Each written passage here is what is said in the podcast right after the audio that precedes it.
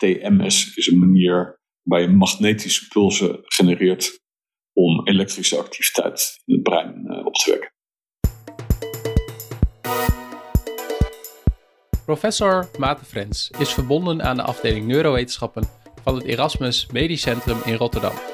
En eerder was hij onder meer founding dean van het University College van de Erasmus.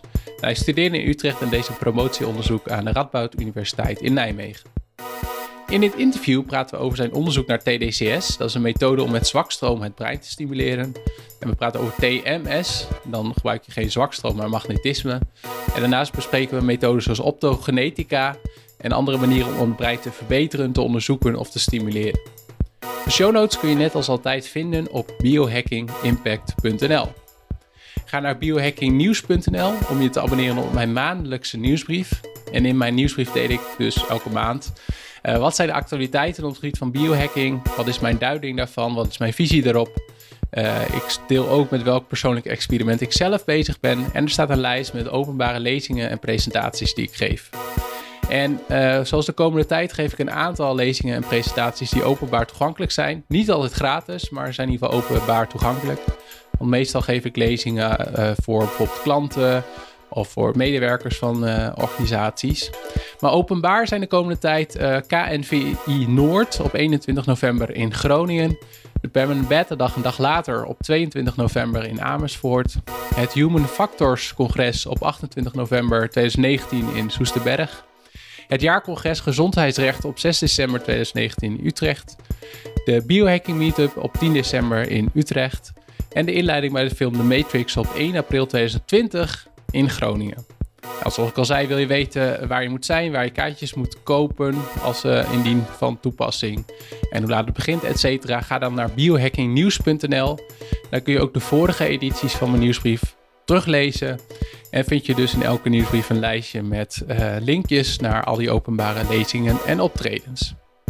Tot slot ga ook naar biohackingboek.nl om mijn boek te bestellen Biohacking, de toekomst van de maakbare mens. Waarin ook ik een deel heb geschreven over het thema waarin ik met Maarten Frens praat, namelijk neuroonderzoek en neurotechnologie. Dus ga daarvoor naar biohackingboek.nl.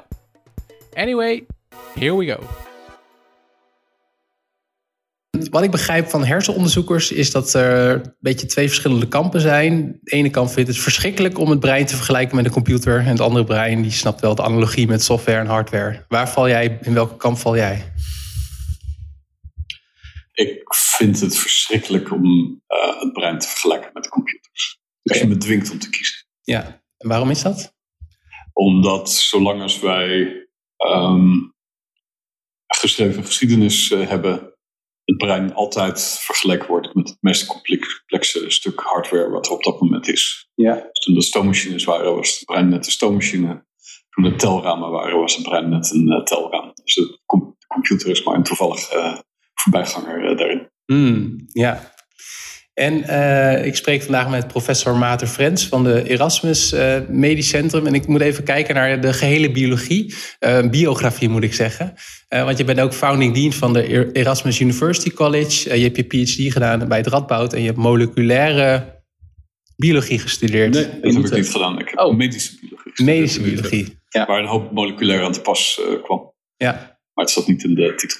En wat was het moment in tijdens je kindertijd of studietijd, dat je de hersenen, dat dat je greep? Oh, dat, is, uh, dat was eigenlijk best laat in mijn studie. Dus ik ging uh, medische biologie uh, studeren.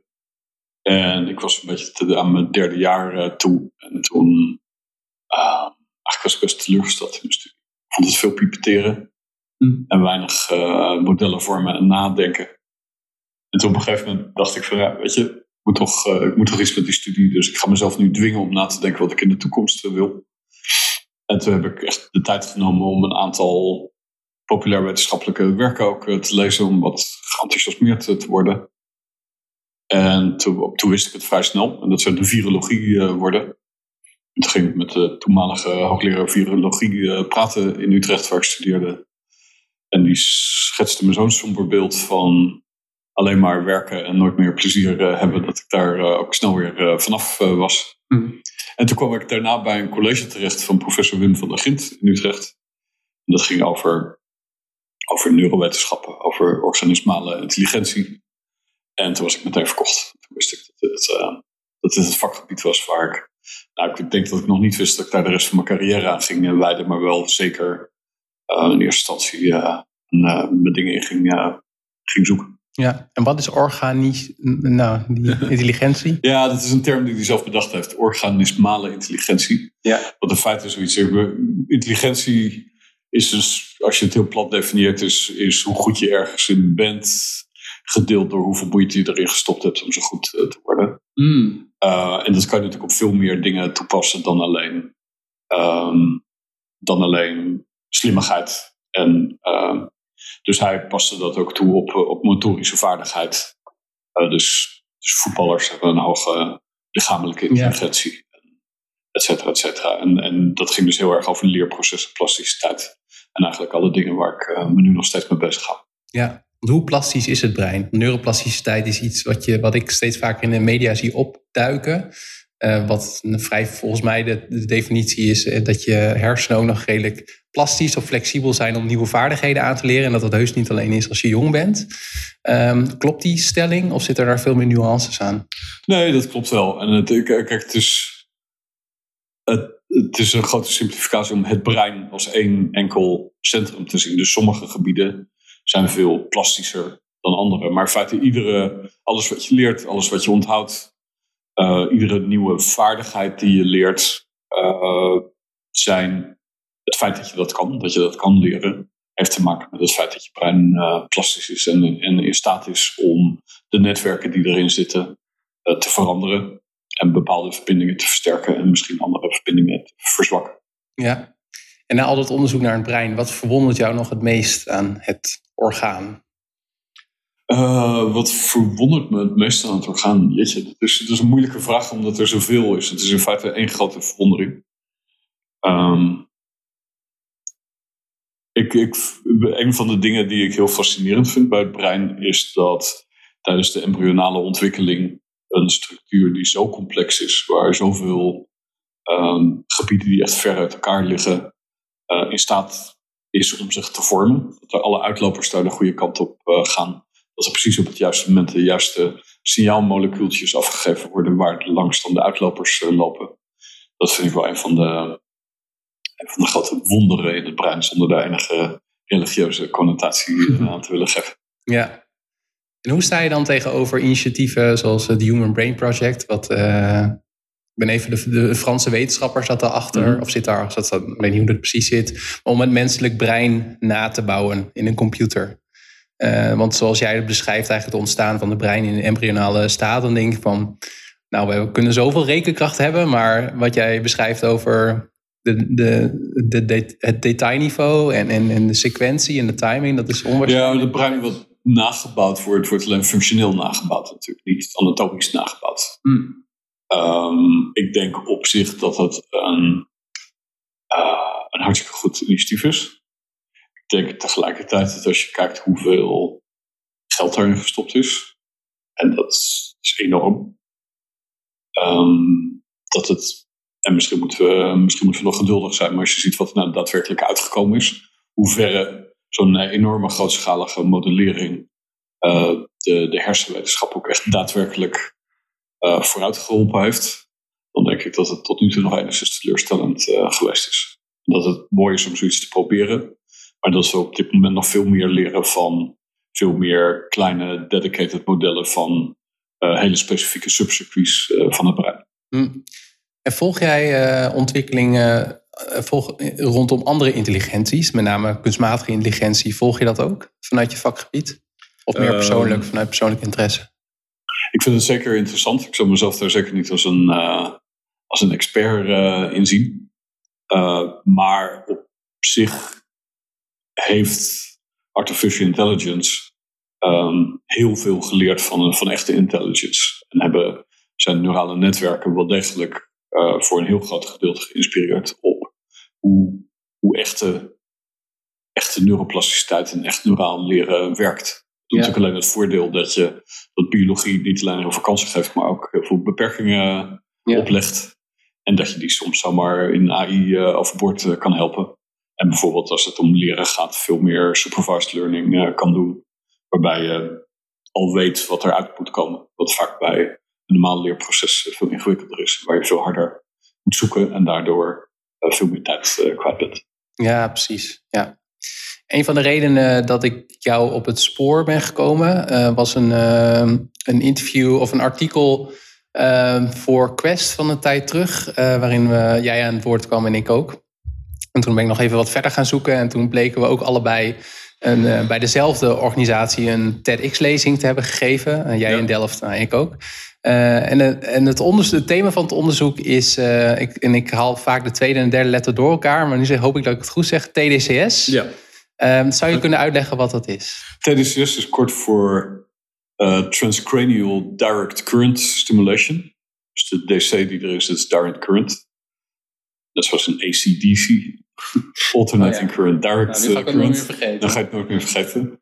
Uh, en dat is een techniek waarbij um, er elektrodes op, je, um, op de buitenkant van je hoofd uh, gemonteerd worden. Waar een, een heel bescheiden gelijkstroompje opgezet wordt. Dan moet je denken aan, um, aan 5 milliampère. Dat is niet zo gek veel. En het idee daarvan is dat het gebied waar die stroom doorheen zou lopen, um, een, een, grotere mate van plasticiteit zou vertonen dan zonder dat dat elektrische stroompje er doorheen zou lopen. Hm. En wat is de. Um, uh, kun je iets vertellen over de geschiedenis van deze methode? Is het iets wat al langer bestaat? Ja, nou als je, als je kijkt hoeveel er over TDC's gepubliceerd wordt, dan, dan heeft het ik, eh, ergens eind jaren eh, van de 20e eeuw, of eind tweede helft 20e eeuw is misschien beter geformuleerd, zijn de eerste publicaties over TDC's er geweest. Um, maar eigenlijk sinds een jaar of tien zie je dat er steeds meer over TDC's gepubliceerd uh, wordt.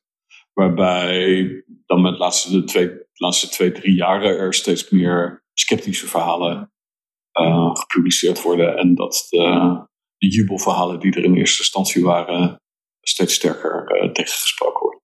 Kun je dat verklaren? Ja, nou, hoe zo'n dynamiek gaat, dat is natuurlijk moeilijk te verklaren. Um, ik snap wel ongeveer hoe de, de rise and fall of TDCS uh, werkt of gewerkt heeft. Dus er, zit een goede, er zit een goede wetenschappelijke basis achter TDCS. Maar die komt die eigenlijk niet van het stimuleren van de schedel, maar die komt van het stimuleren van direct in hersenweefsel. Dus denk aan een, een plakje hersenweefsel, een petrischaaltje of misschien een open geprepareerd breintje. Daarvoor kan je laten zien dat als je daar een, een, een lage stroom op zet, dat er een, um, een molecuul uh, in grote mate aangemaakt wordt. Dat proces snappen we niet helemaal. Dat heet BDNF, Brain hmm. Derived Neurotrophic Factor. Toevallig ook het molecuul waar we het net over hadden, wat de, de zenuwuitlopers uh, gidst tijdens de embryonale ontwikkeling. Maar in het volwassen leven heeft het een andere uh, functie. En wat het doet is, het maakt het hersenweefsel, als er veel BDNF is, maakt het hersenweefsel plastischer en daardoor gevoeliger om te veranderen. Dat is biologie, wat we biologisch uh, snappen. Mm um, en het idee is toen geweest van misschien als we dan het brein elektrisch stimuleren aan de buitenkant, dat we het weefsel eronder ook BDNF aan gaat maken. En als we dat doen terwijl iemand iets aan het leren is, een motorische vaardigheid, misschien een cognitieve vaardigheid, afhankelijk van welk gedeelte we stimuleren, dan uh, zouden we dat leerproces wellicht kunnen versnellen.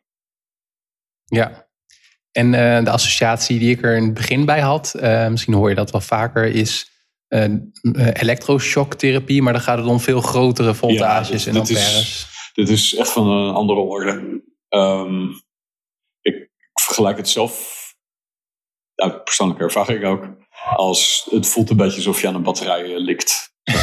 ja. Um, en sommige mensen doen dat. Dat is een hele handige methode om te weten of, of er nog stroom in een batterij zit ja. of niet.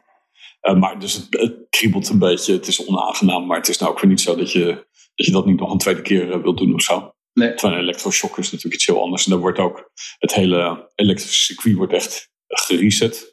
Ja. Uh, hier als we experimenten doen, dan zetten we de TDCS aan. In de, je voelt het eventjes terwijl het aangezet wordt en daarna voel je eigenlijk niks meer. Ja. Dat betekent ook dat in de, In onze controlegroep zetten we de TDCS aan en zetten hem daarna weer uit. En mensen kunnen met geen enkele betrouwbaarheid zeggen of ze in de controlegroep staat of niet. Dus het is Hmm. een, een minuscuul stroopje. Ja, dat is ook mijn ervaring. Ik heb dan zelf eh, een, eh, zo'n eh, thuisset eh, een keer geprobeerd. En ik heb ook de Tink, dat ken je Ja. vast ook wel. Maar ik vroeg me voor de Tink specifiek af. En ook voor de do-it-yourself thuiskits. Hoe nauw komt het met de plaatsing van die elektroden? dat is een strikvraag. Ehm, Nou, dat was niet zo bedoeld, maar goed dat het een strikvraag is. het is, nou, ik ben er zo van overtuigd dat die dingen niks doen. ja, oh, Eh, zo. dat ja. het ook niet zo heel erg nauw komt hoe je ze plaatst. Eh, Nee, want ze, ze doen niks. Eh, ik had toen begrepen van een, eh, eh, uit het artikel van de Quest dat, dat jullie met proefpersonen hadden jullie het aange- aangetoond dat het bepaalde, bij een bepaalde. ja, bij bepaalde subgroep onder hele gecontroleerde omstandigheden zien we een klein effect. Ja. En dat is een genetische subgroep. Ongeveer 30% van de mensen heeft een bepaalde genetische variant van datzelfde BDNF. Ja. Ehm, de andere 70% heeft een andere variant.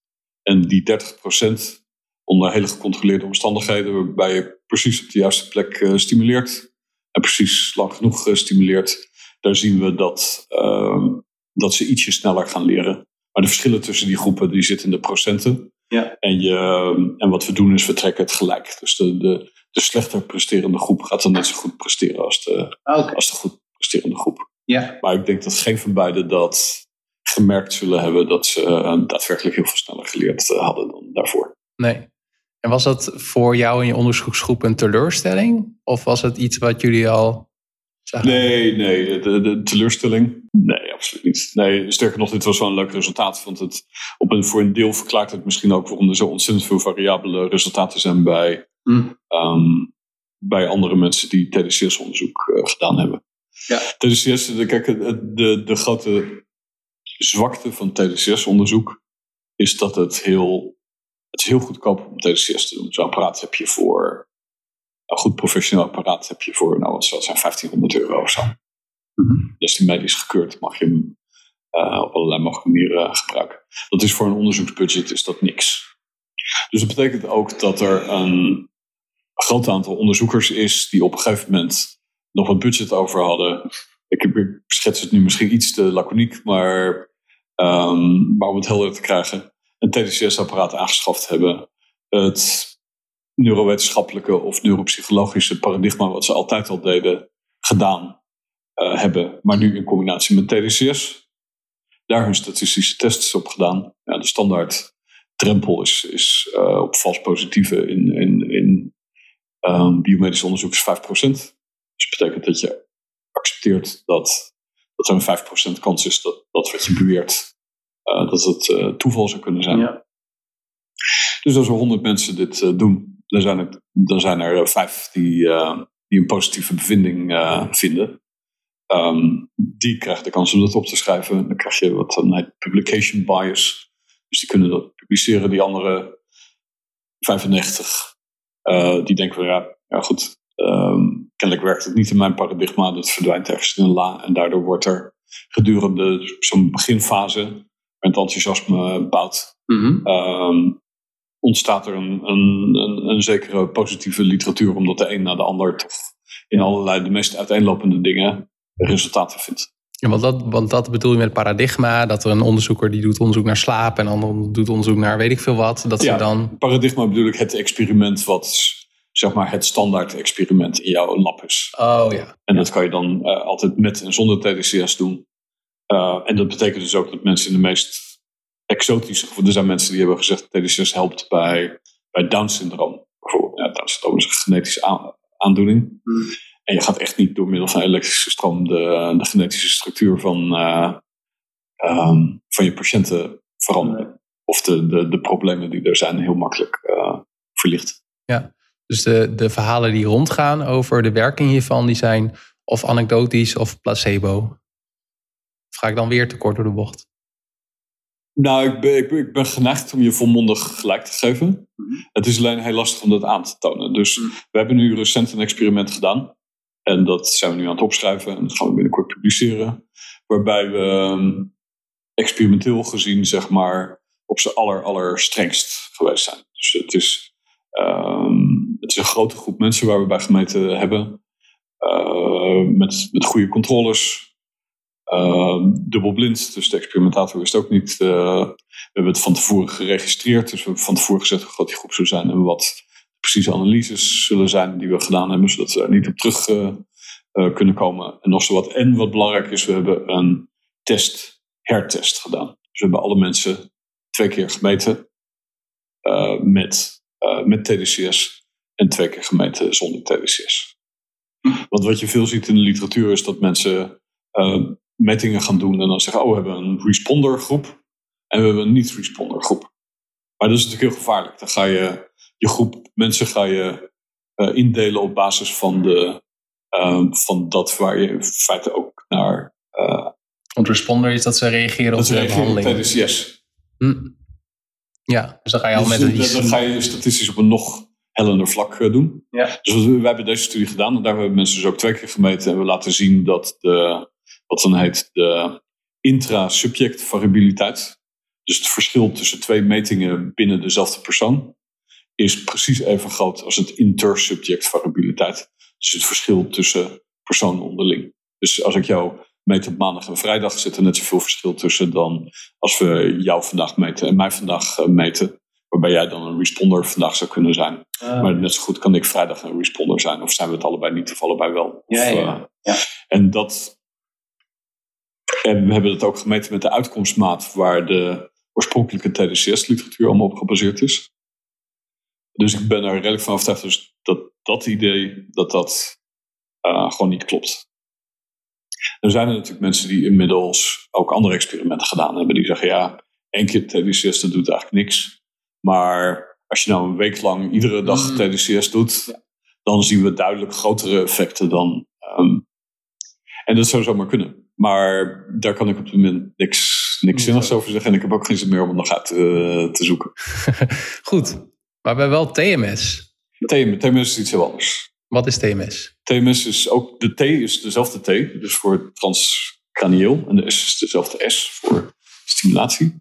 Maar waar we bij DCS dus direct current hadden, dus uh, elektrische stimulatie, is TMS is een manier waarbij je magnetische pulsen genereert om elektrische activiteit in het brein uh, op te wekken. Ja, dus in plaats van dat je er direct elektriciteit opdoet, wil je eigenlijk zorgen met, met die magnetisme dat dat brein het zelf gaat doen? Moet ik het zo zien? Ja, maar het, het, is, um, het is ook anders in de zin van dat TDC, TDC is dus gedurende langere tijd, zeg 20 minuten, 30 minuten, uh, geef je een gelijkstroom. En die zou de boel moeten moduleren. Terwijl TMS, dat zijn echt forse magnetische pulsen. Hm. Um, die direct zelf elektrische activiteit in het brein opwekken. Dus als ik een TMS spoel, want je doet dat met elektrische spoelen, in de vorm van een 8. Als ik een TMS spoel op jouw motorische schors zet en ik laat die een puls geven, dan, dan maak je een onwillekeurige beweging. Mm. Omdat ik je, je, je motorische schors stimuleer. En, en natuurlijk is het zo dat die motorische schors vervolgens ervoor zorgt dat je beweging maakt. Neem ik dan die spoel en zet ik hem vervolgens op je visuele schors aan de achterkant van je hoofd. Ja. Um, en ik stimuleer weer, dan zie je allemaal licht uh, flitsen. Hmm. Want als je Ja. visuele schors actief is, dan, uh, dan zie je licht. En waar wordt TMS nu voor ingezet? Wordt het ook al binnen de gezondheidszorg? Ja, TMS wordt binnen de gezondheidszorg ook voor heel veel. Kijk, het op heel veel verschillende manieren ingezet.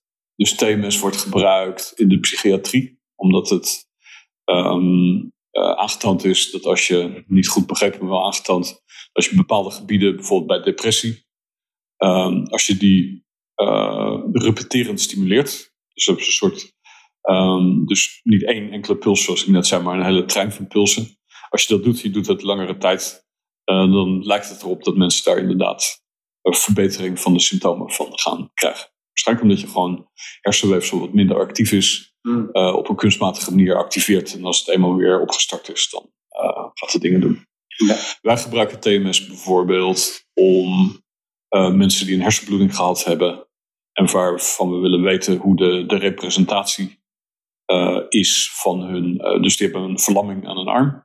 Ja. Um, en dat betekent een hele herrepresentatie van, van hun lichaam in hun hersenen om te onderzoeken hoe die representatie precies is. Dat is iets waar wij TMS voor inzetten. Om dat dan te verbeteren? Of?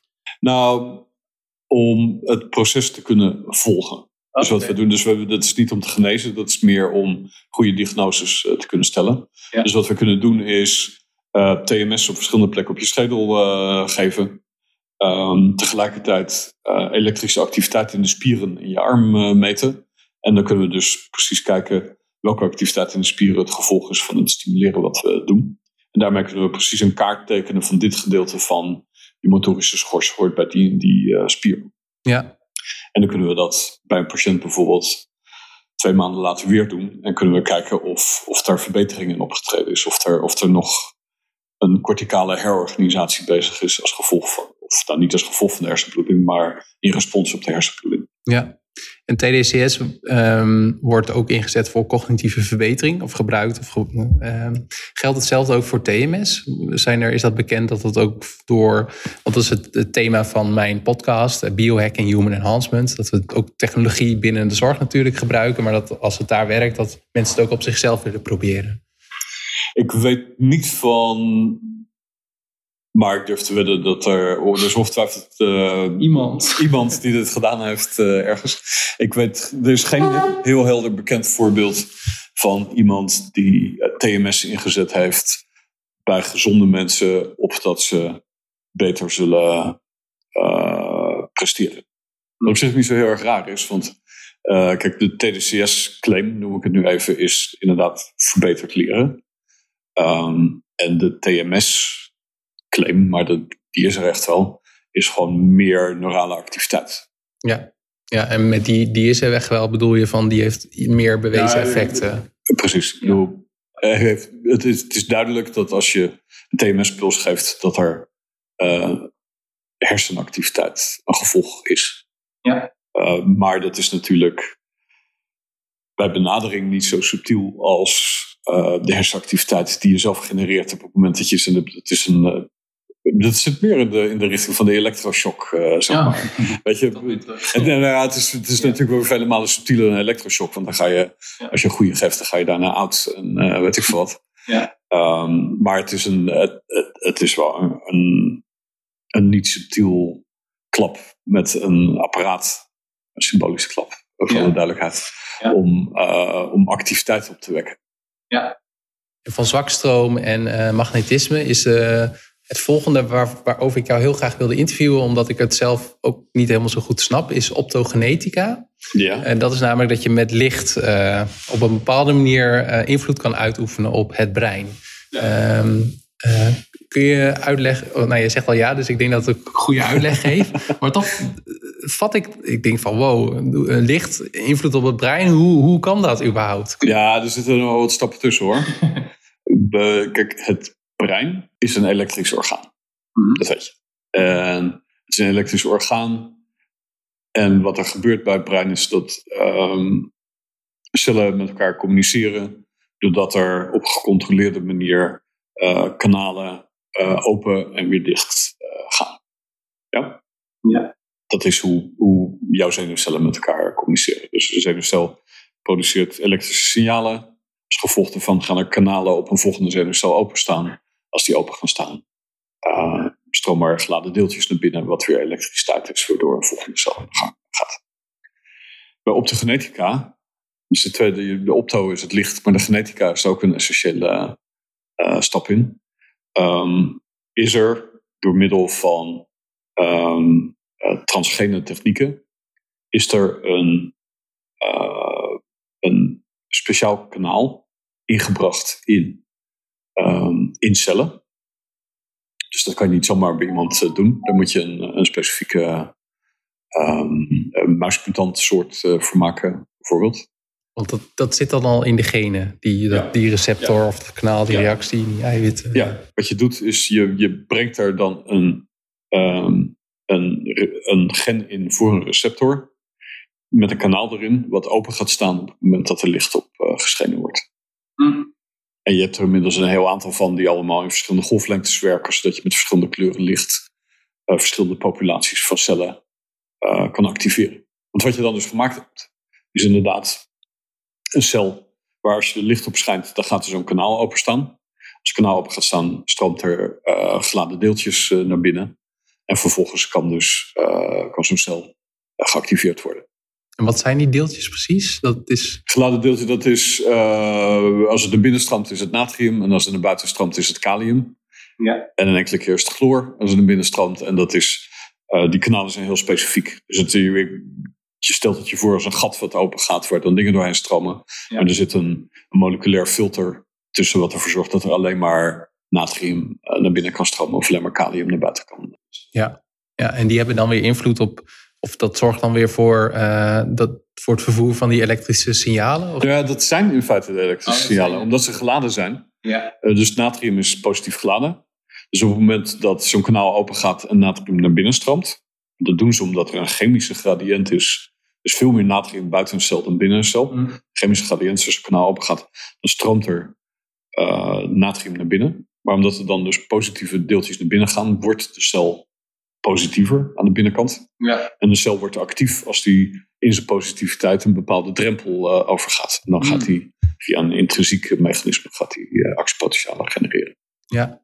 In hoever zijn, is de medische gemeenschap eigenlijk met dit uh, met dit type onderzoek? Is het nu nog maar alleen nog maar fundamenteel? Want tot nu, wat ik tot nu toe tegenkom is dat vooral bij ratten en muizen nog wordt Ja, nou ja, omdat je, omdat je moet in het genetisch materiaal gaan, uh, gaan sleutelen om dit voor elkaar uh, te krijgen. Ja. Nou, je weet met, met CRISPR, die een Chinese dokter die maar claimde dat hij iets in menselijk genetisch materiaal gedaan had. En de, de hele wereld stond op zijn achterste benen. Mm -hmm. Dus dit is niet iets wat lichtvaardig um, bij mensen gedaan zou worden. Los van het feit of het een hele praktische toepassing zou hebben. Uh, want je kan die dingen wel in je brein hebben, maar je moet er wel licht op uh, kunnen schijnen. Dus je zou ook echt de schedel open moeten maken om er, uh, um, om er dan daadwerkelijk op te schijnen. Oké, okay, ja. Maar je kan, in theorie kan je best iets moois voorstellen. Je hebt nu deep brain stimulation, waarbij met elektrodes die in het brein zijn geïmplementeerd, ehm, je hersengebieden kan stimuleren. Die hebben dat is een geweldige techniek, laten we duidelijk zijn. Maar het heeft ook zijn nadelen. Namelijk dat het per definitie al het weefsel wat om die, rondom de tip van die elektrode zit, uh, stimuleert. Uh, stel je nou voor, in een hypothetisch geval, dat je, um, dat, je dat op de, op de, uh, op de kinetisch, zou ik zeggen, op de genetisch kan doen. dus dat er cellen zijn die gevoelig zijn voor licht. En je hebt in plaats van een elektrode heb je, heb je daar een, glasvezel in het brein van diezelfde mensen zou een vergelijkbare belasting eh, zijn. Maar dan zou je heel specifiek een bepaalde celpopulatie zou je kunnen, zou je kunnen aanstralen. In plaats van dat je dat met elektriciteit uh, doet. Mm. Maar nogmaals, die, die genetische stap is er eentje die, uh, die alles behalve vanzelfsprekend is dat we dat bij mensen gaan, gaan doen. Ja, los van natuurlijk de nog verdere science fiction visies die ik dan heb. Dat je op een gegeven moment ook jezelf zou kunnen verbeteren door dit soort technologie. Omdat je dan gaat stralen op de juiste, weet ik veel, je uh, bepaalde centra in je brein. Ja, dat snap ik. Ja. Uh, en dat is natuurlijk ook een mooi bruggetje die ik niet kan laten lopen van uh, brain, deep brain stimulation naar ook de. want jij houdt je vooral bezig. Klopt dat? Met, met zeg maar wat je aan de buitenkant van het brein kan doen? Of ga ik... Ja, ja, dat klopt wel. Dus wij, wij, wij stimuleren aan de buitenkant met uh, TDCS, we stimuleren met TMS en we meten aan de buitenkant met de EEG.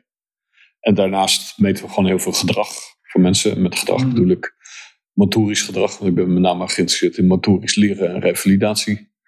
Um, en we bouwen kunstmatige modellen die dat, um, die dat proberen te verklaren. Dat geeft ons een cyclus tussen enerzijds experimenteren en anderzijds modellen bouwen. Ja, ja, precies. Ja. Want, uh, uh, want en ik denk, als het zeg maar lukt om aan de buitenkant van het brein uh, dingen aan te sturen of in ieder geval te beïnvloeden, is het natuurlijk nog een stuk minder invasief letterlijk en minder schadelijk ook voor, voor de patiënt dan dat je in het brein uh, gaat. Ja, absoluut. Um, want uh, ik heb eerder in een podcast met uh, Martijn van den Heuvel, die jij denk ik misschien ook wel kent van het Dutch Connectome Instituut, die doet onderzoek naar het uh, connectoom, ook gehad over, en dat was twee jaar geleden, anderhalf jaar geleden, over de plannen die er zijn bij technologiebedrijven zoals Cornell en Neuralink om ook echt in het brein te gaan, gaan sleutelen. Um, een, redelijk open vraag. Volg je dit, dit soort ontwikkelingen heel intensief? Of, uh... Ik volg het via de pers, met name. Uh, dus ik beschouw mezelf daar absoluut geen expert uh, in. Ehm, het, het klinkt wel behoorlijk als toekomstmuziek, denk ik. Ehm, met name om er echt iets praktisch mee te kunnen. Ik denk dat we wel steeds beter ehm, neurale signalen kunnen decoderen. Dat is natuurlijk iets wat we nodig hebben. Daar, daar zijn een aantal hele spectaculaire ehm, wetenschappelijke publicaties over geweest. Voor een deel is het ook helemaal niet zo nodig om neurale signalen heel erg in detail te kunnen uh, coderen. Omdat je hebt natuurlijk ook een plastisch brein aan de andere kant uh, zitten. Um, die in feite alles kan leren. Dus als je, als je op een gegeven moment iets aangesloten hebt uh, wat in detail dingen kan meten, dan kan, kan ik mijn brein wel zo maken dat ik dat ding kan aansturen. Mm. Daar ben ik optimistisch uh, genoeg uh, voor om te denken dat dat kan. Um, maar het zijn natuurlijk wel lange termijn oplossingen. En daarnaast komt, um, als je het technologisch kan, wil het ook nog niet zeggen dat het maatschappelijk geaccepteerd wordt dat je het ook daadwerkelijk gaat doen. Dus dat is ook wel een belangrijke factor in dit soort, in dit soort dingen. Ja, vind het interessant wat je zegt over hè, dat, dat er wel heel veel progressie wordt gemaakt over het uitlezen van hersensignalen. Zijn het dan EEG's waar je dingen kan. Hoe ver zijn we er vanaf dat dat ik, nu... ik geloof niet dat ze dat bij Neuralink willen. Die willen wel nee, die, die willen... dieper. Die willen echt het brein in. die willen echt het brein in, ja. Nou ja, maar daarmee meet je natuurlijk wel veel helderder signalen. Kijk, schedel is een, is een probleem voor al dit soort dingen. het is goed dat hij er zit hoor. Laten we daar helder over zijn. Maar ook in TDCS is de schedel het grootste probleem. Het is een hele grote geleider. Mm. Um, dus als je een gelijkstroom op de schedel zet, dan verspreidt zich dat eigenlijk over je, over je hele hoofd. En als je EEG wil meten, is eigenlijk hetzelfde proces, maar dan de andere kant op. Dan verspreiden die potentialen zich over hele grote, hele grote oppervlakte. Uh, prik je daar doorheen, letterlijk. Um, dan kan je veel preciezer en veel helderder uh, signalen oppikken. Uh, ja, en uh, voordat ik op dat andere punt kom, jouw voornaamste kritiekpunt is dat je het brein zo plastisch is dat het uh, dan heel makkelijk kan inspelen, zeg maar, op die. Ja, dat, dat is geen kritiekpunt, dat is juist een heel hoopvol uh, punt. Voor ons als mens bedoel je? Ja, nou ja, als je kijkt naar cochleaire implantaten, die, die zijn natuurlijk al zo gewoon geworden dat we ons niet realiseren dat dat. Ja, dat is voor mensen te helpen met gehoor, toch? Ja, precies. Dus zijn mensen die um, om wat voor reden dan ook niet kunnen horen uh, omdat er iets met het oor is. Niet omdat er iets met het brein is, maar iets met het oor is. Um, en dat zijn vaak doofgeboren kinderen, maar het zijn ook vaak. Uh, uh, bij voorkeur doe je een cochleair implantaat wel op hele jonge leeftijd implanteren. Sommige kinderen hebben al eerder gehoord en anderen hebben dat nog nooit gedaan. Dat, is, dat is eigenlijk deze techniek natuurlijk. behalve dat een um, cochleair implantaat is een sensorisch orgaan. Dus het, het, is niet, je stuurt het niet aan met je brein, maar je brein gebruikt het om kennis te vergaren over de buitenwereld. Net zoals je echt een gehoor doet. Um, maar wat er in feite gebeurt, is dat je een. En ik, het is een oversimplificatie wat ik nu zeg, maar je hebt in feite een microfoontje. Vanuit dat microfoontje wordt het, het geluid in een, aantal frequentiebanden uh, verdeeld. En per frequentieband wordt dat afgespeeld over elektrodes die dan eh, contact maken met gehoorzenuw. Maar dat is verder redelijk willekeurig. Um, hoe dat op die zenuw zit. Dus de taak aan het brein dan, en daarom werkt het ook zoveel beter als je het met jonge kinderen doet, is om um, waar nou de hoge frequenties zitten en waar nou de lage frequenties zitten en weet ik veel wat, is willekeurig. Maar omdat het brein plastisch is, kan die wel degelijk chocola maken uit een redelijk willekeurig signaal. Net zoals die dat zal doen uh, bij een pasgeboren baby. Die moet ook ontdekken waar de hoge frequenties zitten en waar de lage frequenties uh, zitten. Ja. En, en daarom denk ik dat dat de andere kant, als u stel, stel er is een, een robotarm die met mijn brein verbonden is. Um, en die robotarm die heeft gewoon zijn eigen, zijn eigen codering. Weet je, dat, dan kan ik me niet voorstellen dat, dat zeker als je dat op jonge leeftijd doet, uh, dat het brein niet zo plastisch is dat hij gewoon op een gegeven moment leert van, van die robotarm heeft dat en dat nodig om, uh, om die en die beweging uh, te maken. Hmm, ja, en dat ligt, moet ik ook denken aan het werk van David Eagleman. Ik weet niet of je hem ook kent. Ehm, En ik had gelezen dat hij ook bezig is met qualia. En dat hij zegt van eigenlijk de, de input in het brein, dat maakt eigenlijk niet zo heel veel uit hoe dat binnenkomt. Dus we kunnen ook nadenken hoe we eigenlijk extra zintuigen. ja, nou, daar, en er zijn ook extra zintuigen, weet ik zo geen voorbeeld van. Maar er zijn, er zijn hele goede voorbeelden waarbij bijvoorbeeld dieren waar door een experimentele ingreep um, de gehoorzenuw verbonden is geraakt met de visuele schors. Dus dat gedeelte van je hersenen wat zich normaal bezighoudt met het verwerken van beelden, uh, krijgt dan te maken met het verwerken van geluiden. En die beesten, dat, dat werkt prima. Die, uh, die, die, functioneren niet anders dan, uh, ik zeg jij en ik, maar het blijven wel besten. Dus functioneren niet anders dan hun collega-besten. Ja, ja. En ook nog even terug naar die EEG's, want, je, eh, want ik zou nog even op terugkomen. Dat je zegt van nou, daar wordt heel veel, uh, dat gaat best wel rap, uh, die ontwikkeling op dat gebied. En kan je je voorstellen dat met elektrodes op het brein, dat we ooit zo ver kunnen zijn dat we gedachten kunnen lezen, of dromen kunnen aflezen? Er, is, er wordt best veel gedaan met elektrodes op het brein. Hè? Bij mensen die. Um, wat nog wel eens gebeurt, is mensen die last hebben van epilepsie dat er gedurende een tijd een hele batterij elektrodes onder de schedel direct op het brein gedaan wordt. Dus we hebben best veel kennis over. En sommige van die mensen die, die zijn dan ook bereid om allerlei experimenten mee te doen. Dus we kunnen best wel wat op het brein meten bij een selecte groep, uh, bij een selecte groep mensen. En daar hebben we verschrikkelijk veel van geleerd. Um, dat er sommige cellen hele specifieke dingen coderen, veel specifiek. op een gegeven moment had je de Jennifer Aniston cel, waarbij de enige manier waarop ze die cel, de experimentatoren aan de praat konden krijgen, was een plaatje van Jennifer Aniston uh, laten zien. Het was een hele beeldenbank uh, doorgegaan. Uh, zijn en andere beroemde mensen en andere blonde vrouwen en andere weet ik wat, maar alleen Jennifer Aniston um, kwam er daar uit. Ja. Um, kunnen we op een gegeven moment daarmee gedachten lezen? Nou, aan de meterkant zal het niet liggen. Maar ik denk aan de artificial intelligence kant dat we nog wel wat slagen moeten maken voordat we dat um, kunnen. Ook omdat um, de breinen van individuen zo enorm veel van elkaar verschillen.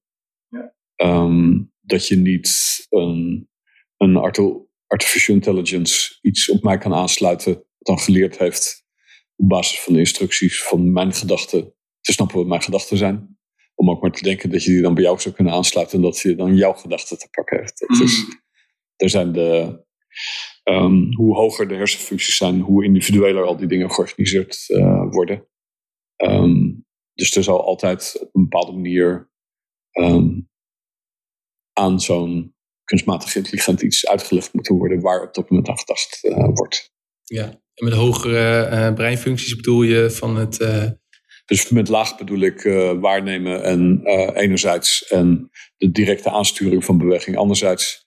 En hoe hoger de functie, hoe meer het zit richting cognitie, hoe, richting abstracte gedachten, abstracte geheugenvorming, ja. creativiteit. Het is allemaal ja, de hogere hersenfuncties. Ja, precies. Ja.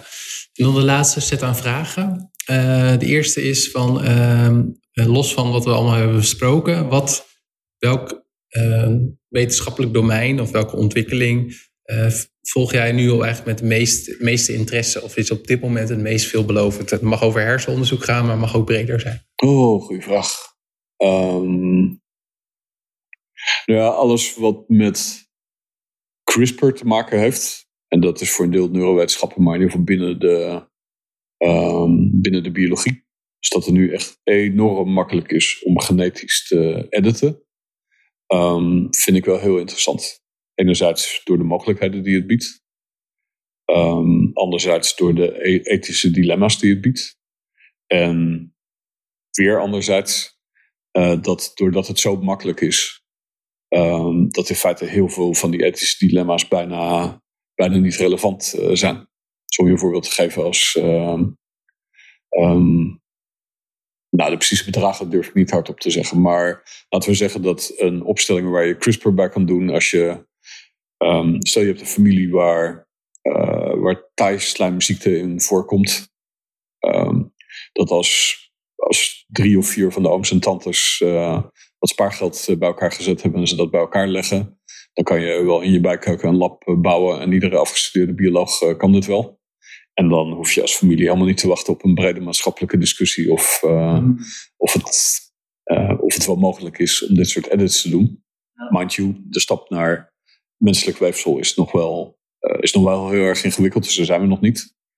Dus het is, het is nog wel theorievorming, maar op het moment dat we dat kunnen, ehm, denk ik dat het heel erg moeilijk wordt om dat te, te reguleren als overheid of er iets van te vinden of dat gebeurt. En dan denk ik dat de drive om een, uh, een hele nare genetische probleem uit een gezin te halen zo groot wordt dat, dat je dat vrij snel voor elkaar hebt. Mm, ja.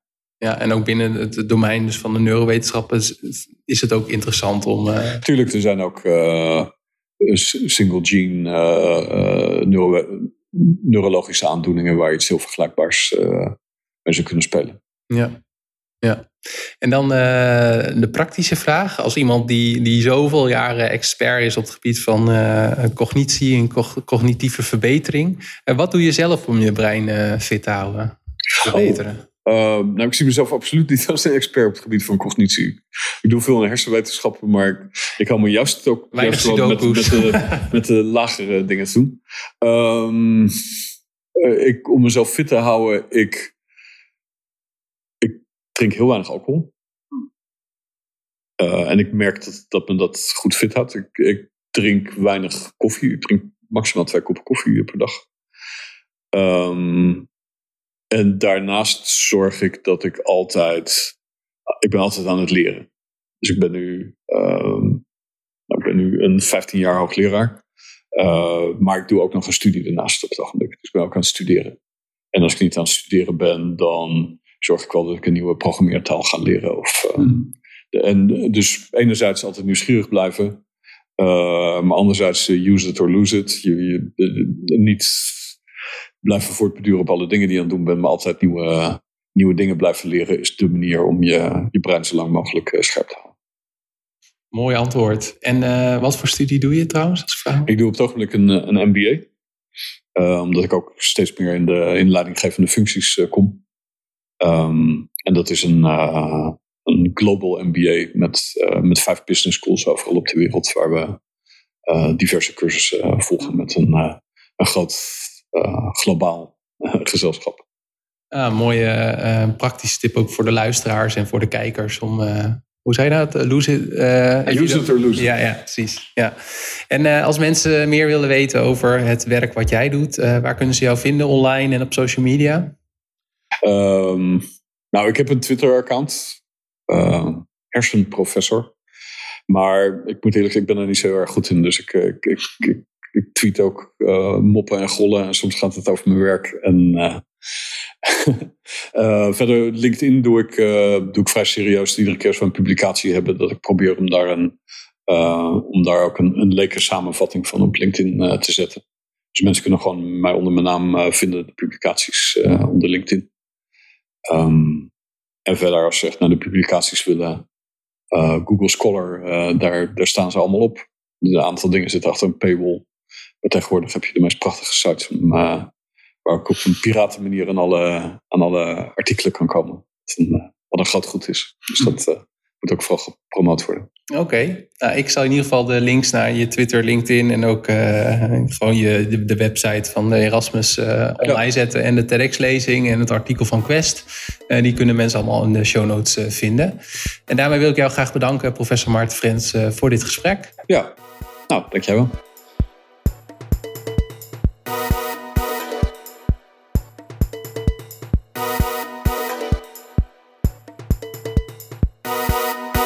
Bedankt voor het luisteren naar deze podcast. Nog twee dingen.